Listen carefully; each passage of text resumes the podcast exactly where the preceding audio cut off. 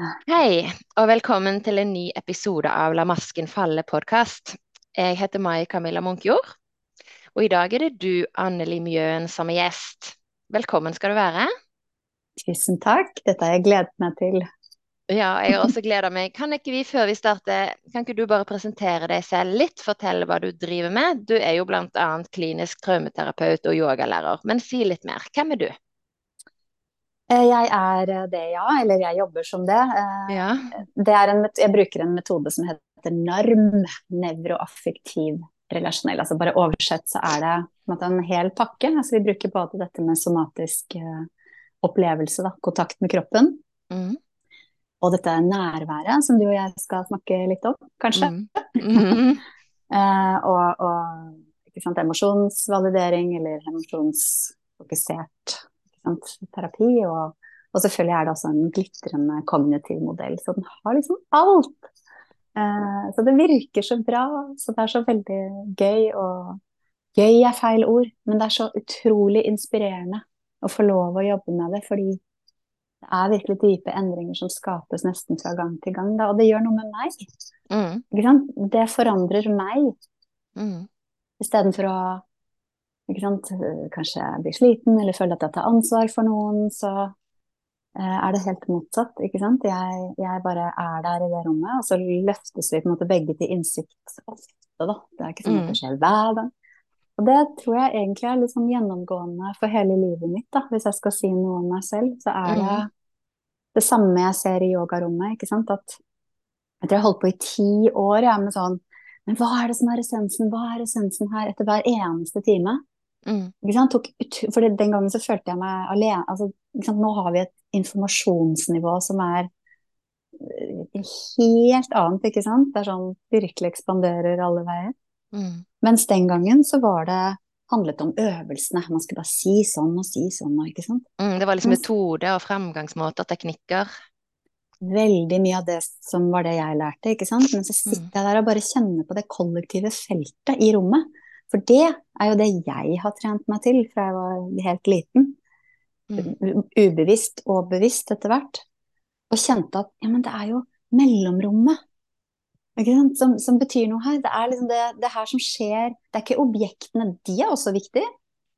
Ikke sant? Mm. Altså at jeg ser deltakerne. Ikke sant? Jeg eh, kom- små sånne drypp med ting jeg ser som kan støtte hvis jeg ser en falle veldig ut av seg selv. Ikke sant? Så kan jeg å, undersøke om det er noe du kan liksom, kontakte med underlaget, eller Mm. Altså, Hente gjennom- tilbake. Mm. Ikke sant? Og gjennom mitt eget arbeid så kunne jeg fasilitere det nærværet, da. Og det Mm.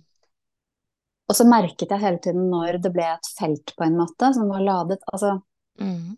kanskje litt sånn rart for noen å bruke de ordene, men det var på en måte graden av bevissthet i feltet, hvis jeg skal virkelig si hva jeg har lyst til å si, Mm. så var det det som var hvordan jeg vurderte timen etterpå. Mm. Og så kan jo deltakerne ha, ha alle mulige slags opplevelser. De sier veldig ofte sånn 'Å, hvordan visste du det?' Hvordan visste Mm. du at det var akkurat dette jeg trengte i dag? Og så sier jeg men det, det gjør jeg ikke, fordi at det er et felt. ikke sant? Vi kommer sammen, Mm. og så er det veldig ofte noe helt fundamentalt, som er dette med behov, for eksempel. Ikke sant? Sånn kjernebehov. Mm. Og da kommer jeg frem til at trygghet Mm. er ordet over alle ord. Mm. Uten trygghet så Mm. er det faktisk ikke mulig å få kontakt. Eller Mm. komme ut av mind og uh, Sinne, tankekjør, alt det her. kompenserende mønstre. Mm. Det går ikke. Da sitter man fast i det. Sånn at da Mm. etter det så satt jeg liksom alt, og det tror jeg egentlig jeg gjorde intuitivt før det også. Mm. Eh, men da satte jeg virkelig liksom alt bevisst inn på å undersøke og spesialisere meg i hva er det som kan skape den tryggheten, da. Mm. Jeg avbryter deg litt der å Nei, liksom- nei! Ja, jeg avbryter litt, og så går vi videre. Jeg tenker på en måte det er mye spennende her som vi skal gå inn på. Em, dette her med grad av bevissthet i feltet, det er litt sånn komplekst, men det tror jeg vi kan komme liksom inn på mer mot slutten. Men andre mm. stikkord som jeg la merke til nå når du snakker, det er dette her med mellomrommet. Hva er egentlig mellomrommet i en situasjon? Um, det er dette her med å tilrettelegge for nærvær. tilrettelegge for nærvær. Og så viktigheten av liksom, det der med å forløse det vi ikke trenger å bære på lenger, gjennom ekspansjon. Altså at vi utvider oss når vi våger å forløse det vi ikke trenger å bære på lenger.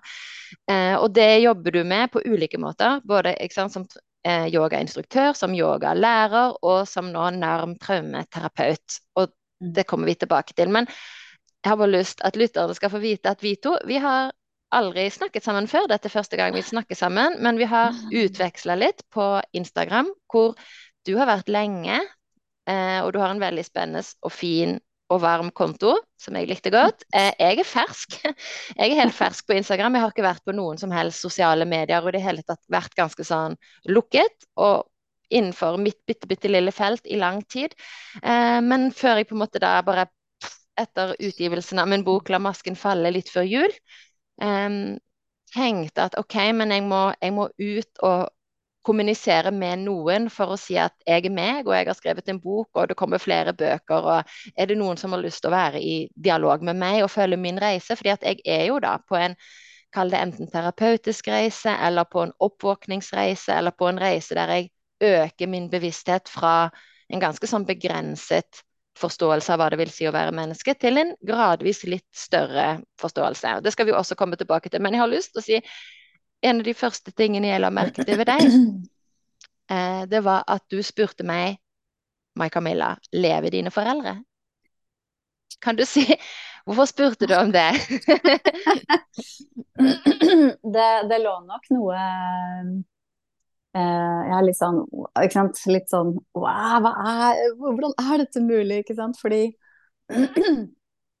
til å begynne med så, så ble jeg litt eh, eh, kanskje både litt sjokkert og litt provosert da, eh, over at du eh, var, var, så åpen, om du vil.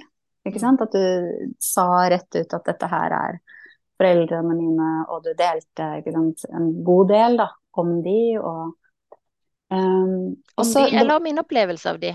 Ja, absolutt. Din opplevelse av de. Ja. 100% Det er ja. veldig viktig. Nyanse. Ja.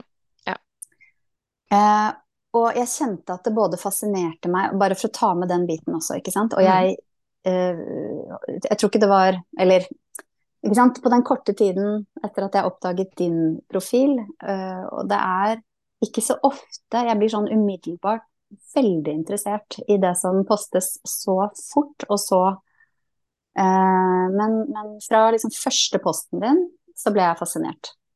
Ikke sant? Så jeg leser alle postene dine. Mm, Fordi det er jo midt inn i det som jeg er interessert i, og feltet mitt. Og så gjorde du det på en litt annen måte. Ikke sant? Altså, det var noe sånn fryktløst og veldig åpent mm. som fascinerte meg. Så den fascinasjonen var der, og så var det også en liten del som liksom wow! Eh, fordi jeg også poster, ikke sant. Og jeg har også postet en hel del om oppveksten min, men veldig subtilt, uten å nevne noen. Og, ikke sant. veldig sånn dypt forankret og oppdratt til at det gjør man bare ikke, ikke sant. Mm.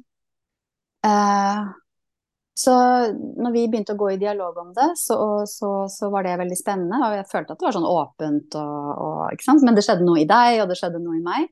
Mm. Og så har jeg observert responsene, ikke sant, gjennom mm. over litt tid, da. Hva mm. dette gjør med folk. At du nesten er en sånn Altså, du er nesten den første.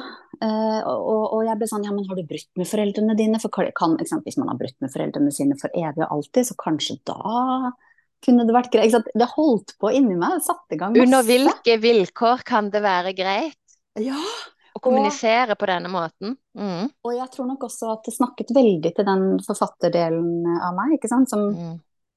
har begynt på 30 eh, sånne selvbiograf Selvbiografiske bøker og bare da, da, må jeg gi den ut under pseudonym. Kanskje roman. Ja, ja, roman. Og så jeg på Knausgård, som jeg nevnte for deg, som ja, jeg skrev også at uh, han brant jo omtrent alle broer i familien? Med, med, mm. med sin ekstremt fascinerende og veldig, veldig utleverende uh, men, Livshistorie. Mm. Så kaller han det jo min kamp, fordi det er jo en kjempekamp, det her. Mm. Både for å hele um, For å bryte de her generasjonelle traumene, synliggjøre noen ting og bevisstgjøre alt dette her, og vi er Jeg er jo veldig forsiktig og redd, ikke sant, og jeg, og jeg Det her snakker også med traumeterapeuten i meg, ikke sant, sånn mm. hva, hva, er greit, og hva er ikke greit, og hva er, er, det som er personlig, og hva er det som er veldig privat, da, ikke sant. Sånn. Mm. For eksempel så deler du jo ingenting om barna dine. ikke sant? Det holder du jo veldig tett, akkurat som jeg også gjør. Så det er ikke det at ikke du har Ja, Men kanskje jeg til og med kommer til å utlevere barna mine. Utlevere i hermetegn. Det kan godt hende. For det, det, det vil vise seg. Så jeg skal ikke love noe. Bare for å si det. For jeg har en annen idé om hva utlevering er, sant? og det kan vi ta etterpå. Mm, mm, eh, mm. Jeg tenker at det er frigjørende. Mm. Eh, men det, det, skal vi ta etterpå. Og det, og det, er veldig subtilt, og det er knallviktig at det ikke er for et overgriperperspektiv, og ikke heller for et offerperspektiv, men fra et frigjørende perspektiv. Men, men tilbake til det. ok? Kjempe, sånn, så det var masse sånn, hva, er, hva, ja, hva er privat, hva er personlig, hva kan man si? Og det som jeg tror kom frem i deg, det, det som jeg kjente, og du, som du også skrev eksplisitt, sant? fordi at det viktigste for deg det har alltid vært å ikke såre dine nærmeste. Sant? Altså det vært et stort det, element. Selv, selv, selv, de som har såret og skadet. ikke sant? Ja, altså, sant? De beskytter, beskytter alle. Mm. mm. Beskytter alle. For, kanskje, vil du si litt om det? Hvorfor har, hadde du den hangen? Og den tror jeg er veldig vanlig. Og hvorfor kan det være viktig å bevege seg bort fra frykten for å såre? Mm. Hvis det å såre i hermetegn da, er nødvendig for å hele seg selv, stå opp for seg selv. For det mm. kan det i noen tilfeller være, da. Absolutt. Ja, så hva tenker du liksom, hva, hvor kommer den frykten for å såre fra? Er det et kollektivt traume vi har? En misforståelse? Åh, bare den her kunne vært en hel episode, det vi holder på med nå, for det er så spennende. Ja. Altså det? For det ene er jo dette her med de generasjonelle traumene. Så når man ser tilbake bare liksom én eller to generasjoner tilbake, så jo, skulle jo alt skjules på alle tenkelige måter. Ja. Overgrep. Alt. Om... Og, det, og det var tonnevis av det. Fordi det, kun, fordi, det var skjult, så kunne det foregå. Ja. Og, det, og, det, foregår i stor skala fremdeles. Jeg ja. holder på med en roman nå, by the way. Ja. som ikke, ikke, er selvbiografisk, men som handler om det her. Med disse Kikke litt grann tilbake, to generasjoner, så er det overgrep på overgrep på overgrep. ikke sant? Og det kunne ja, det kunne, ja, ikke sant? Og det kunne foregå fordi, fordi man feide det under teppet, og fordi man tenkte at hvis bare alle nå kan på en måte tyktes til at dette skal forbli under teppet, så går alt bra. Og så er jo jeg, da, så heldig eller uheldig, født i 1977 og kom inn i en familie hvor dette fremdeles var kulturen. Ja. Og hvor en da en veldig sånn paternalistisk, lydighetsorientert, dominerende oppdragerstil ville videreføre denne tausheten, og ingenting ble snakket om. Også på en måte, og heller ikke det at vi var veldig redde. Jeg, hvis jeg får snakke for meg selv, da, var mm. redd for mm. neste trussel, for neste runde med håning osv. Og, og så ser jeg nå hva det gjorde med meg. Og så ergo kan jeg også se hva det gjorde med forrige generasjoner. Og så kan jeg se hvilken smerte som ligger i det. Og så er jo jeg opptatt av da, den emosjonelle komponenten i de aller fleste symptomer og sykdommer som vi ser i dagens samfunn, og som til og mm. med vår kjære Torkil Fere er blind for. ikke sant? Fordi at man ser ikke den emosjonelle komponenten, som er veldig viktig hvis tilfriskning er et mål. Og det er det jo. Tilfriskning og fred og fordragelighet er jo et kollektivt mål. Ja, ikke sant. Det er akkurat det. Det er helt riktig. Og så har vi på en måte dette her med autonomi. ikke sant? Det å sette sin egen tilfriskning i høysetet. Eh, og, og, noen ganger så kan, som du ikke sant, har erfart, at når ting blir så lagt lokk Altså jeg tenker at jo mer lokk det har blitt lagt på, jo større trang har man kanskje til å sprenge den boksen. ikke sant. Det vet jeg ikke, men det er en tanke. Mm. Eh, og så er det dette med tilknytning. ikke sant? Det kan f.eks. la oss si at det er en som har behandlet deg veldig dårlig, som selv har jobbet med seg selv og vært i veldig tilfriskning, man har en veldig god og nær relasjon. Da tror jeg det blir eh, viktigere, eh, kanskje, helt unntatt deg, du kan jo si hva du opplever om det, men eh, for mitt vedkommende f.eks. så blir det veldig viktig å bevare den relasjonen som er i dag. Mm. Eh, som betyr at uansett hva jeg hadde skrevet eh, f.eks. om familiestrukturer eller det som var personlig, også Instagram-poster og alt Hvis det er veldig sånn direkte rettet inn i det, da, så ville jeg kommunisert åpent om det. Hva syns du om det her? Syns du det er greit? Er det noe du vil at jeg skal endre? Og så må jeg ta det med meg selv igjen. Litt sånn hm, ja, men dette kan jeg endre. Kanskje ikke det, men jeg kan skrive det på litt annen måte. Altså det er en dialog, da. Mm. Så lenge relasjonen er sann. Og så er det kanskje andre grunner for å la være, ikke sant. La oss si at det er en ja, det kan være så mange ting. Ikke sant? Kjent person, da kan det hende at man i litt høyere grad er villig til å ta vare på det, ikke sant. Eller det kan være tusen andre årsaker. Og mm. jeg har til og med relasjoner eh, som jeg ikke har kontakt med nå, hvor absolutt all relasjonell kontakt er brutt. Det er ingen tilknytning, det er ingenting. Kunne absolutt eh, Det ville vært lettere, hvis du skjønner, å skrive om, da. Mm. Men fordi det da for det første involverer alle. Sier jeg, Nå er det sånn at jeg på en måte sier veldig mye, men mm. samtidig så uh, snakker jeg ikke om noen bestemte, ikke sant. Jeg snakker i Og jeg tror det vi begynte med nå med generasjonelle traumer, er sånn alt skulle legges lokk på, og så kommer liksom vi, da. Du er litt yngre enn meg, men den generasjonen vår har vært veldig opptatt av å bryte de tabuene. Vi har gjort en kjempejobb. Eh, og det var, jeg var søvnløs de første tre ukene jeg var på Instagram. Jeg syntes det var helt sinnssykt skremmende. Alltid syntes det har vært vanskelig å utlevere meg selv eller ta bilder av meg selv. Eller skal jeg begynne å liksom gi rapport fra innsiden med en åpen profil ut til hele verden? Altså, jeg sov seriøst ingenting. Og så er det sånn bitte små Ikke sant? Det mm. utvikler seg. Kanskje jeg er enda litt mer ærlig, kanskje jeg Men for meg, og så kommer du og bare Men det har litt med tiden å gjøre. sant? Et eller annet med 2023 og liksom at det er veldig mye energi og det er fart og det bare pff, det går knallfort. Men det er jo litt morsomt, da. For mine første poster òg, det var jo bilder av noen svaner og litt natur og fint vær i dag, liksom. sant? Det var bare det jeg turte å skrive. Og, og, så følte jeg på en måte etter hvert at jeg kanskje skulle skrive dagens tekst, men da ga jeg jo beskjed til det som er av hjelpere. Jeg, har ikke sånn, jeg vet ikke hvem mine hjelpere er, men jeg opplever veldig tydelig at jeg har altså jeg har en veldig god intuisjon. Eller en god mm. Jeg har intuisjon, sånn at jeg, når jeg ber om hjelp, så får jeg som regel ord. Sånn at det som jeg gjorde, da, det var at jeg etter hvert i meditasjon sa når jeg er klar, hvis dere vil jeg skal poste noe, så bring it on. sant? Og så skrev jeg teksten spontant i morgenmeditasjon og, og ut.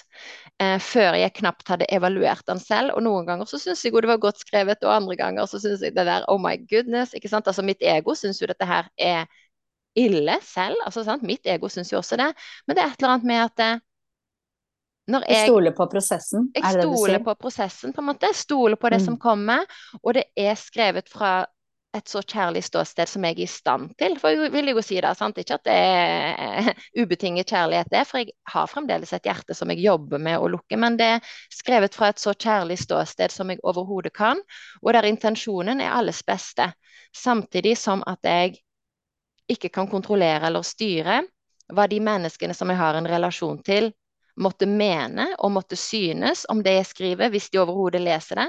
Det er jo egentlig ikke det er ikke min far eller min mor eller mine søsken eller min mann som er min hovedmålgruppe. Hovedmålgruppen er de menneskene der ute som strever med lignende problemstillinger som meg, som selv har vært overpresterende, som selv er grepet av overprestasjon, overarbeid, um, hjelpesyndrom, som tror at mm. alt er deres feil, som tror at de må trø til og aldri kan si nei. Altså de som har lignende mønstre, og som på en måte er i et lidelsens hamsterhjul, og som på en måte ikke klarer å se hvorfor har jeg det så vondt, hvorfor har jeg det så himla vondt, hvorfor, kanskje, mm. hvorfor vil jeg ikke leve? For jeg ville mm. jo ikke leve i en lang periode i mitt liv. sant? Det var ikke sånn at jeg ønska å ta livet mitt heller, men jeg var misunnelig på en venninne som fikk kreft og døde. Jeg hadde veldig lyst til å bytte med henne. Veldig. Hvis det overhodet var lov, hadde jeg sagt ja på flekken. Jeg drømte om og ønska at jeg skulle bli påkjørt av en lastebil. Altså, det var så sinnssykt vondt for meg å leve at hvis det skulle være så vondt, så ville jeg heller la være. Sant? Så jeg ba om å få lov å slippe, for dette mestrer jeg ikke. Dette får jeg ikke til. Mm. Eh, byrden på mine skuldre er for stor. Og så når jeg da på et eller annet tidspunkt klarer å åpne kroppen for det som er i kroppen, og skrive mm. denne boken 'La masken falle', så var det ekstremt forløsende. Mm. Og den mm. boken skrev seg jo nærmest selv på to mm. uker. Sant? Uten at jeg hadde planlagt å skrive noen bok. Sånn at den bare boff skulle ut. Og så måtte jeg bruke god tid da, for så vidt på om den skulle utgis. Men den skulle i hvert fall ut av kroppen. Og den enorme forløsningen det var å sette ord på noe som er så nært meg, og så viser det seg å være så nært så mange andre også. Da skjønte jeg Mm. på en måte at ja, men det er faktisk et poeng at noen kan, at jeg da, kan gi ord til noen andre som er i lignende prosess. For det viser seg jo å Mm. være mange. Det det. Så da føler jo jeg at det ikke handler egentlig verken om meg eller om de menneskene som jeg har relasjoner til, men det handler om noen menneskelige prosesser. Det handler om Mm. noen kollektive traumer. Det handler om noen flergenerasjonstraumer. Det handler om hvordan barndomstraumer ofte bagatelliseres og komme til overflaten som symptomer vi ikke forstår. Og så er det å sette ord på dette. Det er ikke dette. Ja. ja. Nå må jeg gi ordet tilbake til deg. Det er en samtale, da, men jeg kan jo Jeg Ja, trenger ikke ja, å si ja. alt, da. Nei, men alt, alt er jo relevant, kjemperelevant og veldig fascinerende. Det er rett inn i dette her som jeg er opptatt av, men på liksom metaplan, ikke sant? Det er liksom, eh, og jeg har jo lyst til å si at det går jo an å, å skrive veldig nært og personlig.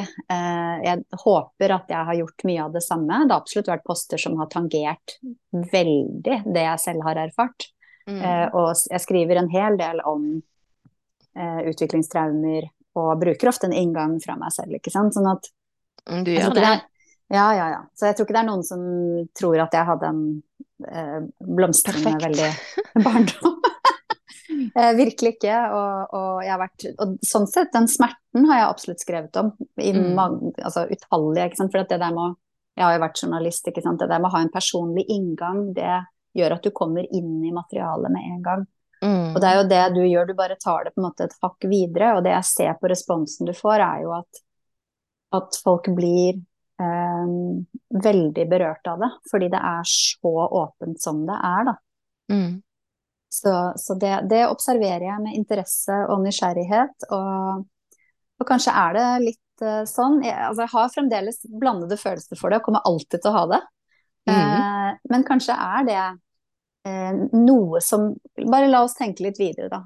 Kanskje dette er det som må til for at foreldre skal lære. Fordi jeg sitter her og tror at i dag har vi så mye kunnskap, så omsorgspersoner de, de emosjonsvaliderer, og de gjør ditt og datt og da, ikke sant. Men nei. Eh, ikke sant? Jeg sitter jo hele dagen med klienter som aldri har blitt Mm. i beste fall ikke sant? Det er som har vært veldig mye sånn mat på bordet og tak over hodet. Mm. Eh, og i beste fall er det noen som spør går det bra, ledende setning. Og så venter de nesten ikke på svaret. Hva sier barnet da? Barnet sier eh, Fint. Ja, fint. Ikke I know. Så Og det var min mor. Min mor var der. Ja. Og det kaller jeg emosjonelt bortvendt. Det skjønner jeg. Jeg skjønner det fordi at det er det som egentlig skjer. Jeg tror at intensjonen på en måte er jo Er god. god. Fordi de tror at de faktisk spør barnet om det går bra, Mm. og er bryr seg Mm. med det. Mm. Um, Men det er ikke det som skjer inni barnet. Barnet blir, apropos la masken falle, altså barnet blir bare trent i å holde opp den masken. Mm. Eh, For det er sånn det legges frem. Det er en ledende setning, ikke sant. Så man, man blir bare oppmuntret til å fake. Mm. Og fordi barnet vet jo ikke, når det er lite, så vet jo heller ikke hvordan det har det. Ikke sant? Det må, man må lete. Forsiktig, akkurat passe, ikke for mye, ikke for lite, men sånn Mm. dryppe ned sånn Men det ser ut som om Så hvordan er det, eller ikke sant? Eller kanskje uh, Ok, men Mm. jeg er her når du har lyst til å snakke om det. Jeg vil veldig gjerne lytte til Mm. deg. Og så, når det endelig kommer noen ting, så skal man jo ikke gi råd. Det er det er de beste foreldrene begynner sånn Ja, men da syns jeg at du burde bare ringe til Hanne, og så burde du bare si at dette var veldig vanlig, eller liksom Eller kan du ikke bare bake en kake, og så De har masse, masse sånne Og det barnet Fiks. hører da, ja, quick fixes, eller fikse, skal fikse det. Mm. Sånn? Den voksne føler et ansvar for å fikse situasjonen, og så vet Mm. de ikke hva de skal si. Det eneste barnet hører da, er jo det er deg det er noe galt med. Det er, Mm. du, det er din atferd som gjør at de her andre jentene stengte deg ute. Mm. Det er, det er du som er litt rar, eller det er du som er feil. Ikke sant? Det er jo det barnet hører, som alt annet, Mm. da. Mm. Som gjør at vi føler oss feil når behovene Mm. våre ikke blir møtt. Mm. Men det man kan gjøre isteden, det er jo å bare først følelsesvalidere. Det her høres jo veldig vanskelig ut. Mm. Og nesten overdrive litt sånn Å, fy hvis det hadde vært meg, så hadde jeg blitt det. Og så prøve å leve seg inn i hvordan det faktisk er for barnet. Mm. Ikke være den voksne som sitter og tenker 'Å, men dette må jeg ta ansvar for'. Nei, jeg er helt enig. Sånn... Gå inn i følelsen, være, validere følelsen ordentlig, ordentlig. Enig med deg. Og Mm. bruke litt, bruke litt tid. Ikke? Sånn at barnet forstår at den voksne virkelig prøver å forstå det. Mm. Bare, bare forestill deg å være fire stykker, fire jenter, og så Mm. er det du som blir skvisa ut helt. Den derre grusomme følelsen av å være helt feil Mm. fordi du blir veiet og funnet, ikke sant, for lett Ja. eller feil eller et Ja. eller annet, eller, eller Ja. bare fordi at noen trenger å stenge noen ute, for da er det et vi og et, et, et Ja. de eller vi og et deg. Ja. Det er bare å sette, sette deg hvis du har fire venninner i voksen alder, ja, ja, ja. og da har du mye mer verktøy. Så for barn er det jo mye verre. Folk klarer ikke å leve seg inn i det, det er så vanskelig. Ja.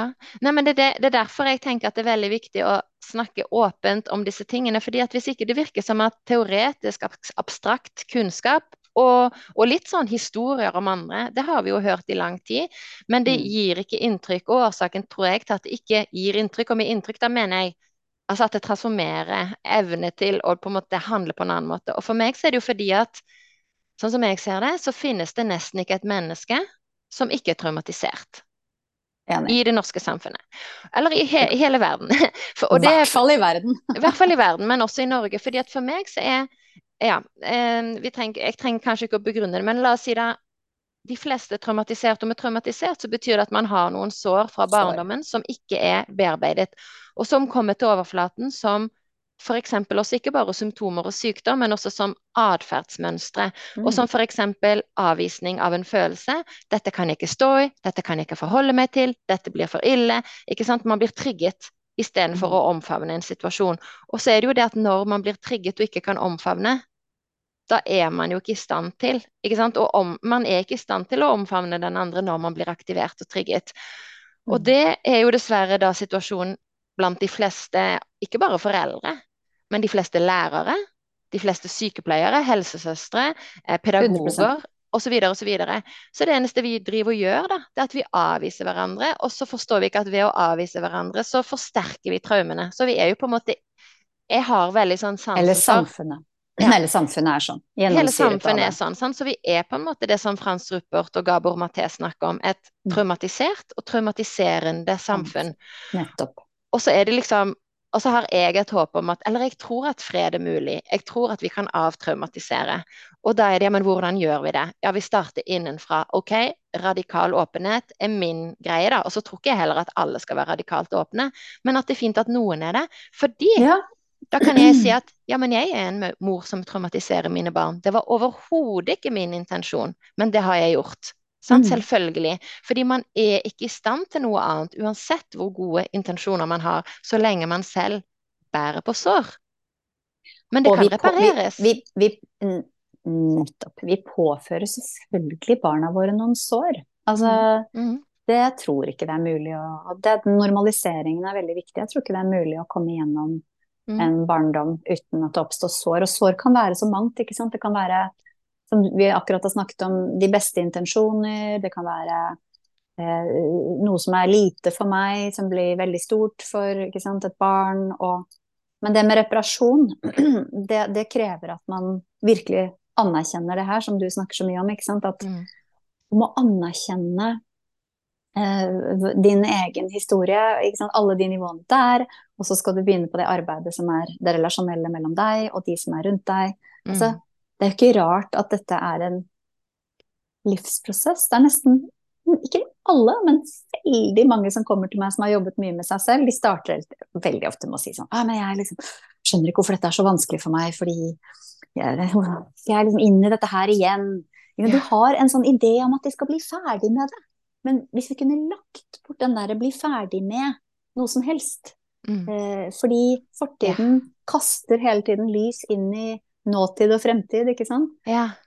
Så vi blir ikke ferdig med noen ting. Det er bare eh, en slags forhåpentligvis oppadgående spiral, da, hvor vi når eh, mer bevissthet, og vi ser Vi kan plutselig, ikke sant, idet vi får innsikt i nåtid, så kan vi kikke bakover med en annen bevissthet, og da ser vi helt andre ting. Ja. Så, så, så glem det. Eh, Mm. Det er mer sånn? Første spørsmålet mitt handler jo om intensjonen. Liksom, hva, er det som, Ja. hva, hva er det som skjer i livet ditt nå?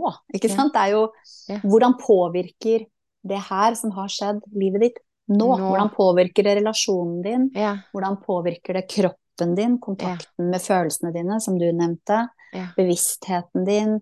Hva Mm. er responsene? Hva er det, liksom, hvordan manifesterer det her seg på daglig basis? Ikke sant? Hvilke er løgner forteller du deg selv om deg selv? Hvordan begrenser du deg selv? Det er én terapeutisk teknikk. Ikke sant? At man med nærvær og kjærlighet eh, holder opp det speilet. Ikke sant? Mm. Eh, er det helt sant? For eksempel dette med å, det jeg kaller inagering, det å slå på seg selv, kaller vi det i norm. NARM. Altså det at man istedenfor å i tidlige tider få lov å tørre å kunne og våge å være sint, som er en helt naturlig respons, f.eks. Mm. en grense eller en respons på et eller annet, Mm, Dette er urettferdig. ja, som er naturlig når man er barn, ikke sant? Og, Mm. og ofte er det jo urettferdig. Mm. Og det å få lov å si fra om det, yeah. når det, når det ikke er lov, når man ikke tør, når det er forbudt, eller man får bare sinnet tilbake, som er sinnssykt mye mer skremmende, ikke sant? Svær Mhm. voksen person som er Mhm, sint for litt. Det er som å ha, prøve å tenke seg da, at man stå, det står en gigantisk kjempe over en, Ja. Og Og brøler. smeller knyttneven i bordet. ja, og ikke Og minst. Og, og, du er avhengig av det trollet for å overleve, ikke sant? Du, du får ikke mat hvis ikke det trollet Jeg blir fornøyd. Ja, hvis ikke Ja, trollet blir fornøyd, så får du ikke mat, liksom. Du kan dø, du kan dø, Ja. du kan bli Ikke utestengt. rart, ikke rart at noen av oss da tyr til hjelpesyndrom, vær snill, flink pike, svare ja, hviske seg selv ut og bare prøve å please. Ikke rart. Og da får du den her dynamikken med at istedenfor å utagere, som ikke er trygt, eller få lov å ha det sunne sinnet i midten her, Mm. så inagerer du. Det vil si du eh, Egentlig så identifiserer man seg med, Med- også sant, den ja, med den indre kritiske stemmen. Den blir så internalisert at den tar over hele bevisstheten. Mm. Og så lever man Det er vanskelig å få øye på den også, ikke sant. Fordi jo Mm, mer ja. du har identifisert deg med den, den indre kritikeren eller hva du vil, ikke så glad i det begrepet, men ja, det er en måte å se det på. Noen ja, indre kritiker, indre sabotør, men denne indre, ofte tause stemmen, for det er litt viktig at den er faktisk ofte, altså den er ofte ikke helt sånn, det er ikke sånn at alle hører en stemme, liksom, men det er bare noen trosetninger som man har om seg selv, man tar for gitt. Og kanskje er man ikke engang bevisst, kanskje må man da gå hos deg, ikke sant, ganske lang tid før man kjenner etter, ja, men jeg elsker jo ikke meg selv i det hele tatt. Jeg tror jo ikke at jeg er verdifull i det hele tatt. Jeg er jo ikke verd å elske. Alt ved meg er jo feil. Ikke sant? Man kommer plutselig til den innsikten der. Og jeg har jo nå gått i Mm. terapi i tre og et halvt år, og endelig nå klarer jeg å virkelig jobbe med å åpne hjertet for å elske meg selv. Jeg har ikke vært klar før nå. Endelig nå jobber jeg for å våge å ta tilbake mitt begjær, våge å ha begjær for det andre kjønnet, sant? For jeg har ikke hatt, jeg har ikke våget i det hele tatt, ikke sant? For jeg har, ja, først overgrepene, kanskje var det ting før det òg, det vet jeg ikke. Eh, føle seg uelsket, ikke sant, og føle seg uønsket, og så overgrep, og så vanskelig seksuell relasjon i ungdomstid, med første ektemann og med andre ektemann. Og det hvorfor det, liksom? Hvorfor det, sant? Og det da, og så til slutt nedlukking da, og perioder med å lure på, kanskje jeg er lesbisk, det ville forklart, eller kanskje jeg er aseksuell, jeg hadde jo aseksuell identitet i lang tid, i mitt Mm. første ekteskap, eh, som en slags forklaring, overlevelsesmodell for meg selv, for hvis ikke så er det så vanskelig, liksom, å forstå hva som skjer i egen kropp. Det er akkurat det. Og de her i NARM da, så har vi en veldig sånn tydelig kognitiv modell. fordi at det som skjer det første året, som vi kaller kontaktoverlevelse, da, altså overlevelses... Ikke sant? Det, Ja. det skjer noe. Det, Ja. Fordi til å begynne med er det jo bare overlevelse, på en måte. Ja. Eh, eller kontakt. Altså det vil si trygghet, kontakt. Mm. Det, det skal være nær, varm, trygg hjerte-til-hjerte-kontakt. ikke sant? Det er det som på en måte gjør at man utvikler seg sånn som man skal. Som Mm. man tar med seg inn i neste overlevelsesstrategi, som Mm. handler om å bli speilet på en Mm. trygg, eh, kontaktnær, eh, rik, altså en måte som gjør at barnet opplever jeg er, jeg er riktig. Mm. Jeg er sånn som det skal være. For Ja. alt Alt er i orden med meg, ja. Mi- Mine behov blir ivaretatt, ikke sant, eh, og så videre. Og så fortsetter det inn i tillit, som er tilliten til de voksne. Når den begynner å våkne, ikke sant, så har vi f.eks. det Eckhart Tolle kaller smertekroppen, at barnet som jeg fremdeles ser at folk kaller trassalderen. Jeg blir helt gal av det. Ja. Fordi det handler jo om den første løsrivelsen Mm. fra skal vi si, helheten eller det kollektive feltet, fra kjærligheten fra mor, gjerne, helst, eller det er særlig mor, Mm. som er ulidelig smertefullt, for her fødes jo egoet. Og da spørs det jo liksom hva slags ego som fødes da. Mm. Hvor, hvor intens Altså hvordan fasiliteres den her inngangen til smertekroppen, hvis jeg skal bruke Eckhart Tolles Ja. begrep, og, og, og som vi har, ikke sant Eckhart Tolle eh, alle- Ja, si litt om han, hvis, hvis lytteren ikke vet. Hvem er Eckhart Tolle, The Power of Now, for eksempel? Hvem er han? Hvorfor Ja, ta to så- skritt tilbake først, Ja. og så fortsetter du. uh, nei, det, det, er så- det er så vanskelig å si det kort. Kort. Men, men bortsett fra at han er en kontemplativ eh, si, nærmest mester i væren, da, altså nærvær, så skriver han veldig veldig godt om egentlig uhyre komplekse ting. Og jeg tror at hvis man leser det veldig sånn overfladisk, så er det Ja. sånn ja, du skal øve på å være til stede her og nå. How boring. Altså litt sånn. Ja. Eh, det er jo underlig at dette som er kanskje vårt absolutt mest essensielle kjernebehov, som Ja. er å være til stede i den eneste virkeligheten som fins, Ja. det, det, det er kjernebehov. Det vet vi ikke engang. Ja. Altså, vi, vi vet ikke engang at det er vårt basale kjernebehov, og at vi lider når vi ikke er der. For vi er da i fortiden eller fremtiden. Nettopp. Det er dritkomplisert! Det er veldig komplisert, og det er dette som er saken, og det er det som er da min Ja, hvis jeg skal være personlig da mot min kjære mor. Altså, det er jo det som er hennes drama. At hun trodde at fysisk nærhet var nærhet. Hun trodde at hvis hun var til stede med kroppen, så var det helt greit. Da var hun til stede, og, hun, og det er helt i orden. Jeg tilgir henne for at ikke hun forstår det. Men, men nå forstår jeg som voksen hvorfor det var litt vanskelig. Hvorfor? Hun hadde jo kjempegode rutiner. Hun kom jo til og med ofte hun når hun hadde anledning og sang godnattsanger. De tre samme sangene i samme rekkefølge.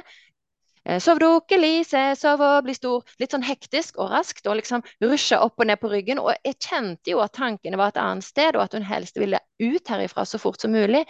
Men og da er det ikke så godt for barnet å få de der tre godnattasangene fortere enn svint. Og hvorfor ikke det? Og da er det jo fordi at det er bare kroppen som er der. Ordene kommer ut, men tankene er allerede et annet sted. Følelsene er allerede et annet sted. Det er på en måte et teflonmenneske, et skall, som sitter der. Det er ikke det samme. Det, åh, det er så spennende. Det, det er akkurat det. Og, og det å være til stede i barnet eh, Man kan jo si at graden av hvor nærværende de er i kontakten? De er jo ikke nærværende i kontakten mellom. Det her som jeg sier at Men jeg, jeg, ser, jeg ser inn i deg, jeg ser ikke på deg. Jeg vurderer deg ikke fra utsiden. Jeg Mm. ser ikke på deg med min idé eller oppfatning av hvem du er. Jeg Mm. undersøker kontakten mellom oss, ikke sant. Det er noe Mm. helt annet. Og ikke minst så må jo jeg være nærværende i meg selv for å Mm. kalle på ditt nærvær, ikke sant. Mm. Det, det her er jo vi så bevisst på i Norm også, at kun gjennom dette eh, sanselige værensrommet som vi kan skape i oss selv, kan vi muliggjøre en dypere ekte kontakt, da. Mm. Som er det eh, alle trenger for å Mm. kjenne at de er seg selv, at det er mulig Mm. å, å, å avdekke de her Mm. alle disse komplekse lagene i bevisstheten, ikke sant. Og, Mm. og, og jeg har også lyst til å si at det ordet ego, Mm. det tar årevis, årevis, årevis, årevis å forstå. Fordi folk tror at de forstår hva ego er. Mm. Eh, det er noe litt negativt, det er noe som handler litt grann om egoisme på en måte, men det er vanskelig å få tak i hva det er, ikke sant. Det er jo Mm. ikke det. Nei, for meg Det er det er- overlevelsesmekanismene, disse maskene. Men jeg vet ikke om det Ja. Ja, det er jo en del av det, men, men egoet vårt er egentlig identiteten vår i veldig, Mm. veldig stor grad. Ja. Så lenge vi ikke har Mm. hatt et autentisk glimt av nærvær, Mm. eller ren væren, eller høyere bevissthet, eller hva vi nå skal kalle det. Det er, så, det er mange, Ja. ikke sant. Det er både her, og det er sånn, og Ja. Så er alt annet egentlig ego. Det er masse flott med egoet, ikke sant. Det Mm. er jo også det som Altså når jeg har eh, falt inn i hva skal vi si, avidentifisering med ego og opplevd det jeg kunne kalt utvidet bevissthet, vi kan godt kalle det opplysthet, for å bare eh, nøytralisere og liksom trekke det begrepet ned. Um, jeg var veldig ung, så, så, så higet jeg jo etter å bli opplyst. Mm. som jo er en sånn felle som det er veldig lett å gå i når man begynner å mm. nærme seg det åndelige. Man higer mm. etter å være i en tilstand. Men hvis jeg skal dra det ned, mm. så er det å være opplyst eh, egentlig bare å være i værens Altså være, være nærværende. Men mm. det er så mange grader av nærvær. Det er, det, er, forskjell på å være somatisk nærværende. Jeg kjenner denne pennen. Fordi jeg mm. kan faktisk kjenne den pennen på veldig mange forskjellige måter. Mm. Og det er veldig mange nivåer i det med væren. Mm. Det sagt, så har jeg både spontant, helt fra jeg var liten, mm. falt på en måte inn igjennom, som du mm. nevnte, intens smerte. Jeg tror mm. den smerten da ble så voldsom at jeg slapp all identitet. Altså, ikke sant? Den, den inngangen når, når, det bare når, altså, Jeg husker at jeg lot meg liksom omslutte Altså, jeg lot meg falle inn i eller omslutta altså, Det ble bare helt svart. Det ble helt mørkt. Det var liksom ingenting. Mm. Og fra det stedet eh, så er Jeg grøsser når jeg bare snakker om det, fordi dette har vært det var, Jeg husker nøyaktig det øyeblikket når jeg våknet for første gang til rent, ren, ren væren. Da. Og da, da, kom det lys inni meg, og det kom en sånn liksom kappe av kjærlighet og la seg rundt meg. Jeg var syv år eller noe sånt og satt på gulvet og hadde fått meg en skikkelig kraftig ørefik. og Hånden min hadde falt på en legokloss som gikk inn i hånden. ikke sant? Så jeg satt alene på gulvet, syv år gammel, og var yeah. i komplett mørke. ikke sant? Yeah. Komplett smerte. Og fra det stedet så har jeg da den sterkeste kjærlighetsopplevelsen jeg noen gang har hatt, som ikke er har noen ting med sånn Disney, sentimental eh, I og for seg mellommenneskelig kjærlighet å gjøre. Den er rå, den er usentimental, men den tok hele meg, liksom. Fantastisk deling. Tror du at du skulle ha den opplevelsen av både komplett mørke og komplett lys så tidlig i livet? At jeg skulle ha den, ja. Eller hvis ikke, vi... hvis ikke, hvordan hadde det preget ditt liv derifra? For så har du på en måte Nei, du, for du hadde det. Jeg var jo mer i nummenhet. Mm. Jeg gikk mer i direkte nummenhet, sant? mens du gikk jo da i overgivelse, mørke, hørtes det ut som, og så mm. ble du faktisk, så møtte du faktisk dette lyset. Mm. Og så kjente du at det finnes, det finnes et lys. Det finnes noe. Du kom i kontakt med noe. Skjønte du at det var deg? Hva var lyset du kom i kontakt med som syvåring, kan du si det?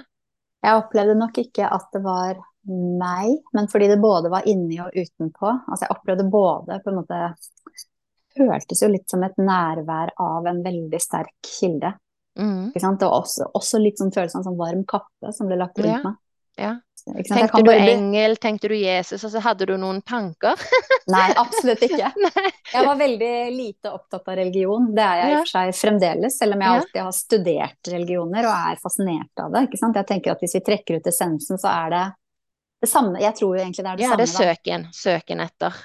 Det er ånd, det åndelige. Derfor så liker jeg mye bedre det som et begrep enn religion. fordi at jeg tror at dette her er åndelighet som har kommet til masse forskjellige mennesker. Og noen har bestemt seg for å på en måte lage en trosstruktur ut av det, ikke sant, og si at sånn er veien. Mens mm. jeg er mye mer sånn veien er forskjellig for alle mennesker, og særlig fordi jeg har erfart hvor spontant og på en måte tilfeldig det har oppstått i meg selv. Mm. Eckhart Tolle forteller jo om det samme. Han forteller at han ønsket å dø, mm. Eh, og at han simpelthen ga opp seg selv fullstendig. Mm. Han var villig til å gi opp absolutt alt. Miste seg selv inn i mørket eller døden eller i det øyeblikket man er villig, og jeg sier ikke at det er en vei, altså, bare så det er sagt. Men når man faktisk er villig til å oppgi absolutt alt, så kan jo det skje. Det skjer jo definitivt ikke med alle. Det er masse mennesker som føler at de går i evig mørke uten at det kommer noe lys, ikke sant. Mm. Så det, bare det er en hel. Men når det skjer, um, så har jeg jo på en måte brukt resten av livet mitt til å forske i og, og studere og reflektere og meditere. Og, altså både fordi at jeg ønsker å nærme meg denne opplevelsen, dette nærværet. Så mm. om det var meningen, eller om jeg har skapt hele meningen med mitt liv ut fra det, det kan vi jo også drøfte. Jeg liker jo veldig godt denne tanken om at når noe skjer, så, så kan vi bruke det. Vi kan gi det mening. Og Mm. det er jo den derre fakkelen, ikke sant, som vi både kan velge å ta. Ta fakkelen og tenne den og holde den opp og si at den her dritten her som jeg kom fra, den, den, den slutter her. Jeg er villig Mm. til å vie og dedikere livet mitt til Mm. oppvåkning på en måte, da. Mm. Eh, Og til ja. og, og, og, Selvansvar og selvomsorg er jo jeg opptatt av. Tilgivelse. Mm. alt det som kan komme ut av det. Mm. Når du sier tilgivelse, og det har jeg snakket om på flere andre podkaster, så er jeg veldig opptatt av den reisen som må komme før tilgivelsen. Fordi tilgivelse brukes også for å komme unna egen smerte, for å liksom overby Det er veldig vanskelig for folk å sitte i terapi og jobbe med f.eks. det avspaltede sinnet, når de Mm. har en sånn edel tanke om å tilgi, og, jeg, og de forstår så mye. Ikke sant? Den medfølelsen er vakker, men Mm. den må også settes i riktig perspektiv. Den skal komme til rett tid. Mm. Rett Ja, det går ikke an å tvinge det, og det er ikke noe mentalt. Nei, men det brukes utrolig mye for å slippe å Mm. gjennomleve Ja. den her Det er jeg ferdig med, liksom sånt, Ja. kanskje. Mm, det er jeg ferdig med. Det orker jeg ikke å være lenger. Mhm. Eller jeg klarer ikke å være sint, ikke sant? Altså, Ja. Resultatene av det sinnet man har fraspaltet, lever fremdeles i dag, men jeg klarer ikke å gå tilbake og tillate meg selv, ikke engang i terapi, å Mm. tillate meg selv å være sint Mm. i en, en ny, lage en ny film på en måte, ikke sant? Ja. Hvor man får lov å gjennom, gjennomleve. Mm. Nei, det, det Eh, var en viktig poeng. Mm. For det er sånn, jo, men foreldrene mine har gått bort, jeg kan ikke si noe negativt om de som har gått bort, eller jeg har Mm. forstått, jeg har tilgitt, alt det her holdes opp som sånne Og så må si at, vi ja. grave oss Vi gjennom må, det. ja. Og jeg kan si bare at sånn som jeg forstår tilgivelse, så er det nok ikke det sånn som absolutt alle forstår tilgivelse, for det er i hvert fall ikke i kristen forstand jeg mener tilgivelse, men jeg mener tilgivelse i betydningen at min intensjon er å sette meg fri fra konsekvensene for det, konsekvensene av det som skjedde, Mm. fordi jeg har lidd lenge nok, og det er fortid. Og da er jeg ikke avhengig av at de som såret meg, tar ansvar. Jeg er ikke avhengig av at de som såret meg, sier unnskyld.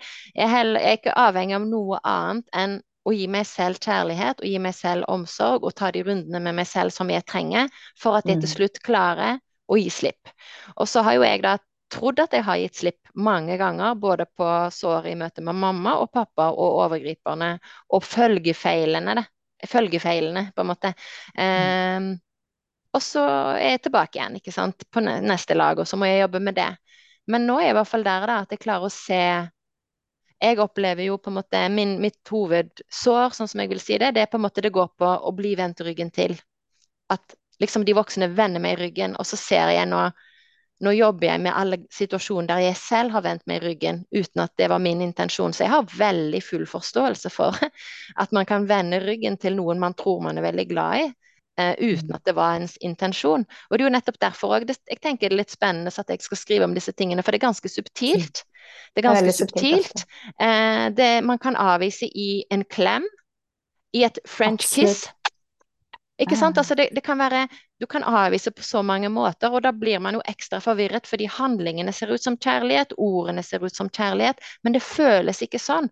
Og for min del da, så har jo jeg lært veldig tidlig, ikke stol på mine følelser. Mine Mm. følelser, de har ingen verdi i det hele tatt, ikke sant? Altså de blir bare totalt slått ned på. Sånn Mm. at det er jo først nå at jeg begynner å skjønne hvilken ressurs følelsene er, hvorfor det er et poeng å føle de. Og jeg tror jo til og med nå at om veldig kort tid så er det følelser vi primært skal kommunisere med. At det er mellomrommet, at det er noe av mellomrommet i kommunikasjon. Og at ordene Vi har egentlig ingen mulighet til å forstå ordene hvis vi ikke har følelsen og energien med oss. Da blir det bare babbel. Og det elsker det du sier nå, fordi at folk tror at de skjuler seg selv. Mm. But they don't. Altså, det her, den vibrasjonen som følelsen er, eller fraværet av følelsen, den vibber i rommet uansett. Mm. Hvis det er en som da er veldig sånn avstengt fra kroppen, hodestyrt, Mm. er egentlig ganske irritert, det her skjønner alle. Mm. Sant? Det styrer hele rommet. Det er sånn En person kommer inn, så vil den vibrasjonen av den følelsen som blir undertrykt, selv om personen er veldig pedagogisk og sier de rette tingene, så vil den, den, den kraften som kommer ut av den eh, følelsen som både er der eller er undertrykt, den Mm. vil være i rommet, og så skaper det masse uro. Mm. Åh, det er Det er så spennende. Det er så spennende. spennende. Og det du Ja. sa om tilgivelse, hvis jeg skal uh, Ja. oversette det jeg oppfattet og hørte, er jo at det handler vel- veldig mye om å tilgi seg selv, ikke sant? For Mm. all den tid man har uh, fordi man ble behandlet som man ble behandlet, ikke sant? All den tid Mm. man da har undertrykt seg selv, slått på seg selv. Det er derfor vi kaller det å slå på seg selv. Fordi Mm. Hvis vi ikke har muligheten til å uttrykke sunt sinne, sette grenser, sant? jobbe i det feltet der, eller til og med utagere, for det er greit når man er barn. Mm. Det er ikke greit når man er voksen. Voksne gjør det likevel, Mm. ikke sant? Og de sier til og med det er du som har feil, ikke sant? Ja, ja. Istedenfor å ta Du ansvar. provoserte meg. Du provoserte meg, istedenfor Ja. å si wow, nå kjenner jeg at jeg blir provosert, det var interessant. Det må Ja. jeg utforske i meg selv, Ja. ikke sant? Ja. Sånn, Jeg vet. eller, Ja. eller nå roer vi dette ned, og så snakker vi sammen når vi faktisk kan kommunisere, og ikke bare være reptilhjernen og Ja. ja, være i kaos, ikke sant? Ja. Ah, det er så spennende, så, og tiden går så fort. litt sånn, hvordan skal vi avrunde litt sånn etter hvert nå? Men vi må jo ikke avrunde med en gang. Men jeg tenker, jeg tenker med Eckhart Tolle. Mm, Han, han ga deg noen Han kan jo selvfølgelig, som du sier, leses på mange nivå.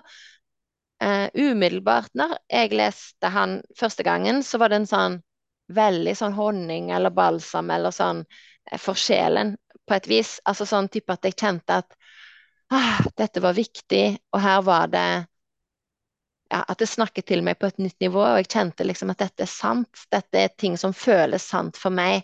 Og så kunne jeg liksom ta noen av poengene til meg. Eh, og Mm. blant annet så tror jeg dette her med Altså det som jeg f.eks. visste fra før, da. Ja, som du sier med det der med grader av nærvær, og som du har en enda mye mer subtil forståelse for, men der jeg i hvert fall har begynt å skjønne at ok, fysisk forståelse og emosjonell forståelse og tankemessig forståelse, det er ulike ting. Og f.eks. at eh, hvis jeg henger fast Hvis jeg henger fast i fortid eller fremtid, så har jeg ikke mulighet til å være her og nå. Og jeg har Mm. selv vært veldig mye enten i fortid eller fremtid. Jeg har til og med trodd at det var bra. Jeg har vært full i hele tiden i mitt hode og drevet og planlagt ting og ikke sant. Trodde at det var bra. Løpt Mm. veldig fort, trodde at det var bra. Jeg hadde veldig høy smerteterskel. Jeg var ikke i kontakt med egen kropp. Hadde aldri en sykedag. Sant? Jeg hadde den type. Aldri en sykedag før jeg smalt i veggen. Sant?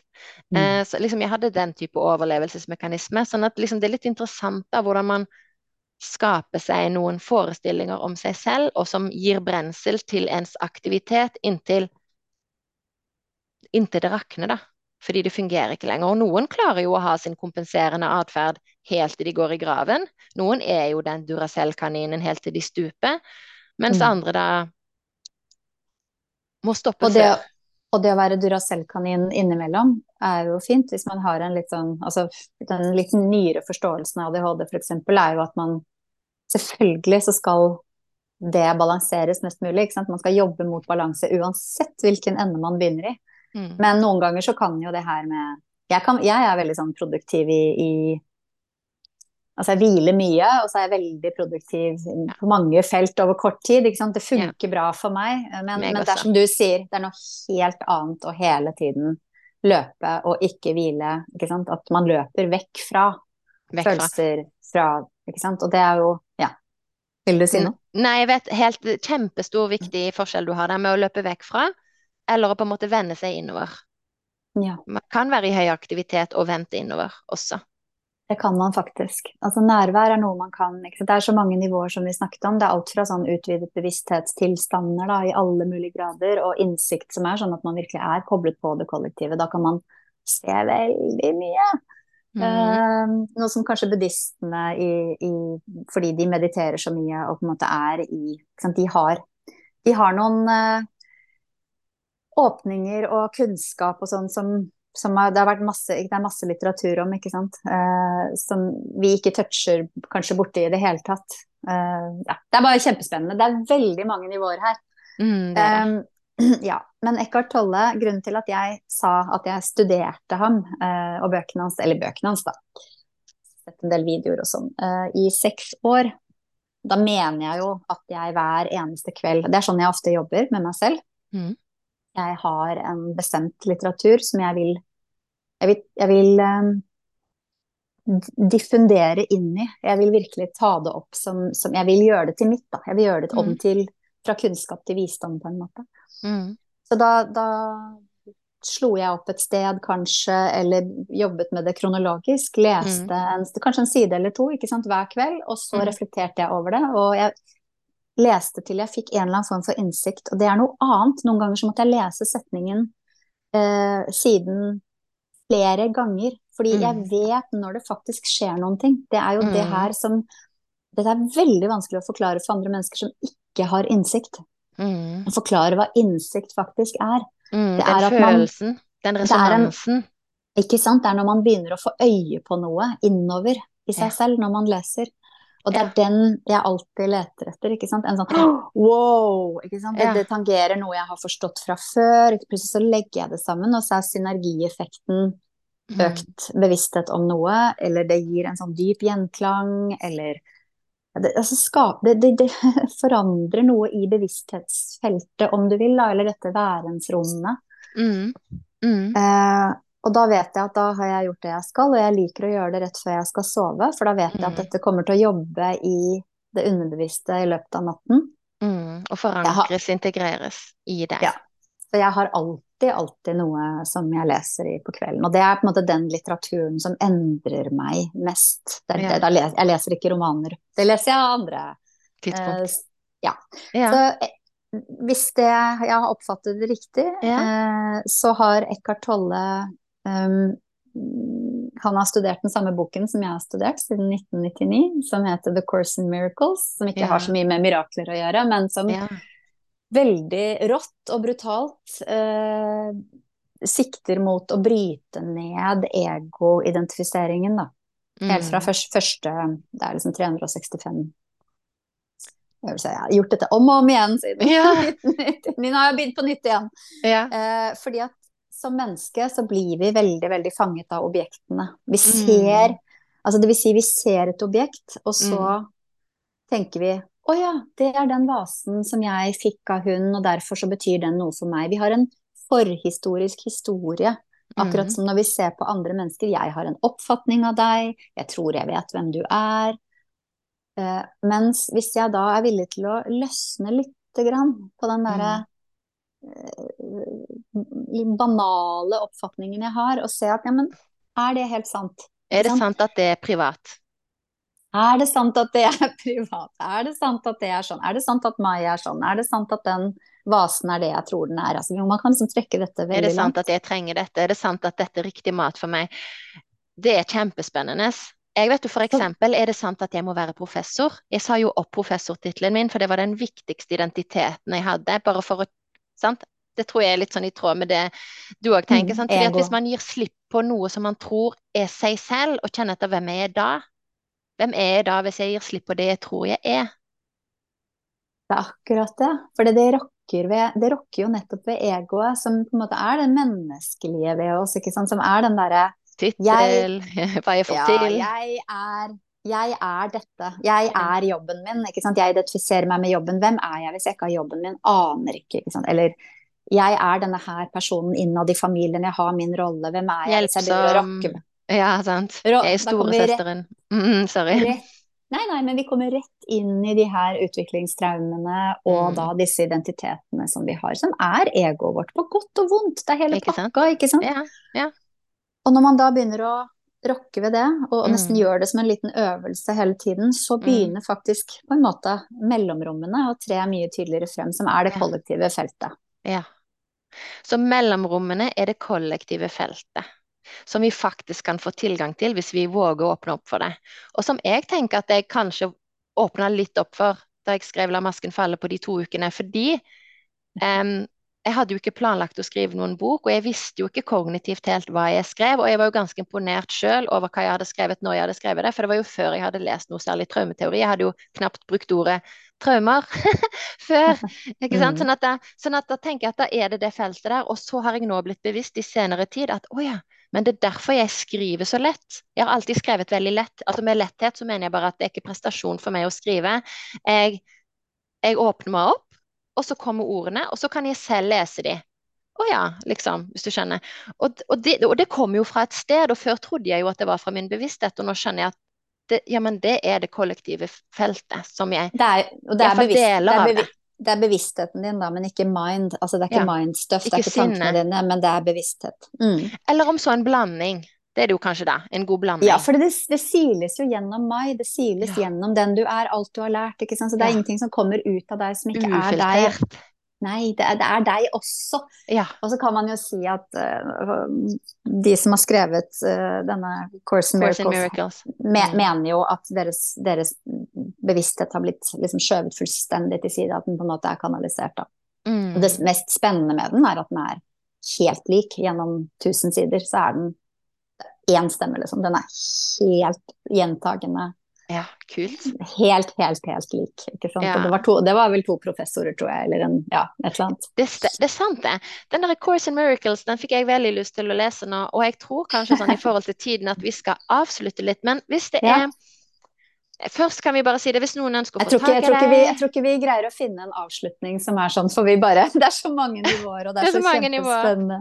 Det som jeg tenker, ja. i alle fall jeg kan si, og så kan, etterpå kan du si hvor folk finner deg hvis de er interessert til å vite mer om eh, enten å gå og få yogaundervisning hos deg, eller de har lyst til å få narmtraumeterapi, eller lære litt mer om dine perspektiver på hva det vil si å være menneske. Jeg tror at det som jeg har lyst til å si, det er at det har vært en kjempespennende samtale, og jeg er veldig glad for at du har delt på mange ulike nivåer. Jeg, eh, og jeg tror jo på en måte at hvis det er ett poeng som, eh, som lytterne kan liksom jobbe litt videre med, så er det jo forståelsen av hva ego er. Fordi at jeg tror at forståelsen av ego er veldig begrenset hos de fleste av oss. Og da på en mm. måte, ved å lytte til denne samtalen, så håper jeg at flere har fått en forståelse av at egoet er veldig komplekst, og det er på en måte du har definert det litt som vår identitet, altså alt vi tror vi er. Og vi er helt mm. avhengig av å ha et ego for å være mennesker i denne verden. Og som du sier, vi er ego på godt og vondt, og egoet har jo både sunne og usunne strukturer. Og så er det jo da å se hvilke av strukturene er usunne for meg, og så er det å forløse mm. de, sånn at egoet kan bli sunnere og sunnere. Og sånn at vi kan leve i tråd med våre grunnleggende verdier. At egoet hjelper oss til det. At vi kan samarbeide med vårt ego istedenfor å la egoet og oss selv være i kamp. Styre styre. Ja, ja, ikke minst. Kampen, mm. men også å ta helt over, da, f.eks. at mindstuff Overstyre. Og identitet, altså, for eksempel den indre kritikeren blir identiteten vår. ikke sant? Jeg jobber jo veldig mye med det her i NARM. Ja. Uh, offerrollen f.eks. er jo en identitet hos mange. Ja. Forståelig nok, ikke sant, når man har ja, hatt det vondt. Ja. Uh, og, og, og, det er jo bare provoserende å si at det er noe man kan. Men man kan f.eks. sette offerrollen litt til siden. Ja, og, og gradvis endre den gi den en kropp, nesten. Ja, gi den ja. en sånn energetisk kropp og litt sånn Men hva er det du prøver å fortelle meg? Har du ja. noe bra å komme med? Er det bare negativt? Hvordan kan jeg forholde meg til deg? Kan jeg liksom begynne å snakke med den og ha den mer i skulderhøyde enn at den er en full Hele identitet? Meg. Jeg kan ikke utvikle meg. Fordi jeg, jeg er i sorg, for eksempel. Ja, eller jeg har det så vondt, og det er hele identiteten min, så jeg har ikke noe valg. Jeg har ikke ressurser. Mm. Det er den følelsen av å være et offer, fordi de da ikke har hatt noen som har emosjonsvalidert dem, som ikke mm. har på en måte snakket til de forskjellige delene av det. ikke sant? Jeg har en sånn bussmetafor da, hvor vi ja. setter opp alle disse identitetene, og så ja. foran så skal vi finne ut hvem er det som skal sitte i førersetet. Ja. Er det offerrollen som skal sitte i førersetet? Er det endre, kritikeren som skal sitte i førersetet? Er det så lurt? Ja. Går det an at det er noe annet? Så må vi grave og grave for å finne ut hva er det den personen Fordi vi har så mye forskjellige begreper og ja. ideer om hva, hva, det er vi ønsker skal lede oss. Da, for noen mm. er det tro, for noen er det eh, kjærlighet, for noen er det indre fred, for noen er det gudsbevissthet. Altså, kan, men vi skal grave fram den delen som ikke er en sånn del som har oppstått fra traumer. Mm. Ikke som ikke, ikke, er noe som har utviklet seg gjennom altså, Det er ikke en overlevelsesstrategi, men det er en Indre kraft. Jeg kaller det essens. essens men igjen, ja, mm. essens, eh, kjernebehovsbevissthet, mm. altså mm. kjernebevissthet. Mm. Det er ikke så viktig med de ordene, men vi må, vi må, finne ord som passer for den personen. Da de må velge det selv, de må finne ut av det selv. Mm. Og så forløsende det vil være når man får rett del av seg selv i førersetet og lever mer i tråd med den man er og ønsker å være. Mm. Uh, og med Eckhart Tolle, da, at vi våger å tro at vi allerede er den vi ønsker å være, sånn at vi ikke holder det på avstand som en projisering inn i fremtiden. Men at vi våger ja, å det kan- omfavne det her og nå. Ikke sant, for det kan virke så utrolig søkt, og det gjør vi i NARM også. Um, vi starter alltid med en intensjon, ikke sant. Og da har man jo allerede Altså når intensjonen kommer fra deg selv, så har du også kraften du trenger for å, for å, være, altså for å komme dit, Ja, og det er viktig å si. Skal vi avslutte Mm. med det? Ja. At når du har en intensjon og noe du ønsker å oppnå i ditt liv, da har man alltid den kraften man trenger for å komme dit. Nettopp. Jeg leste, du sa slutten, men jeg leste jo Jonathan Livingston Seagull når jeg var barn. Som er en nydelig, det er ikke barnebok egentlig, men har du vært borti den? Det er en Ja, måke ja, jeg tenker på den kjempeofte. Jeg tenker, for jeg driver jo ja. sjøbadet, vet du. Og så seiler det måker over meg, og av og til så, så seiler de så rett over meg at da, tenk, da sender jeg en tanke til måken Jonathan. Nettopp. Og jeg hadde en undulat som jeg kalte Jonathan. ja, den er ny. Jonathan Livingston Seagull, ofte kalt Jonathan.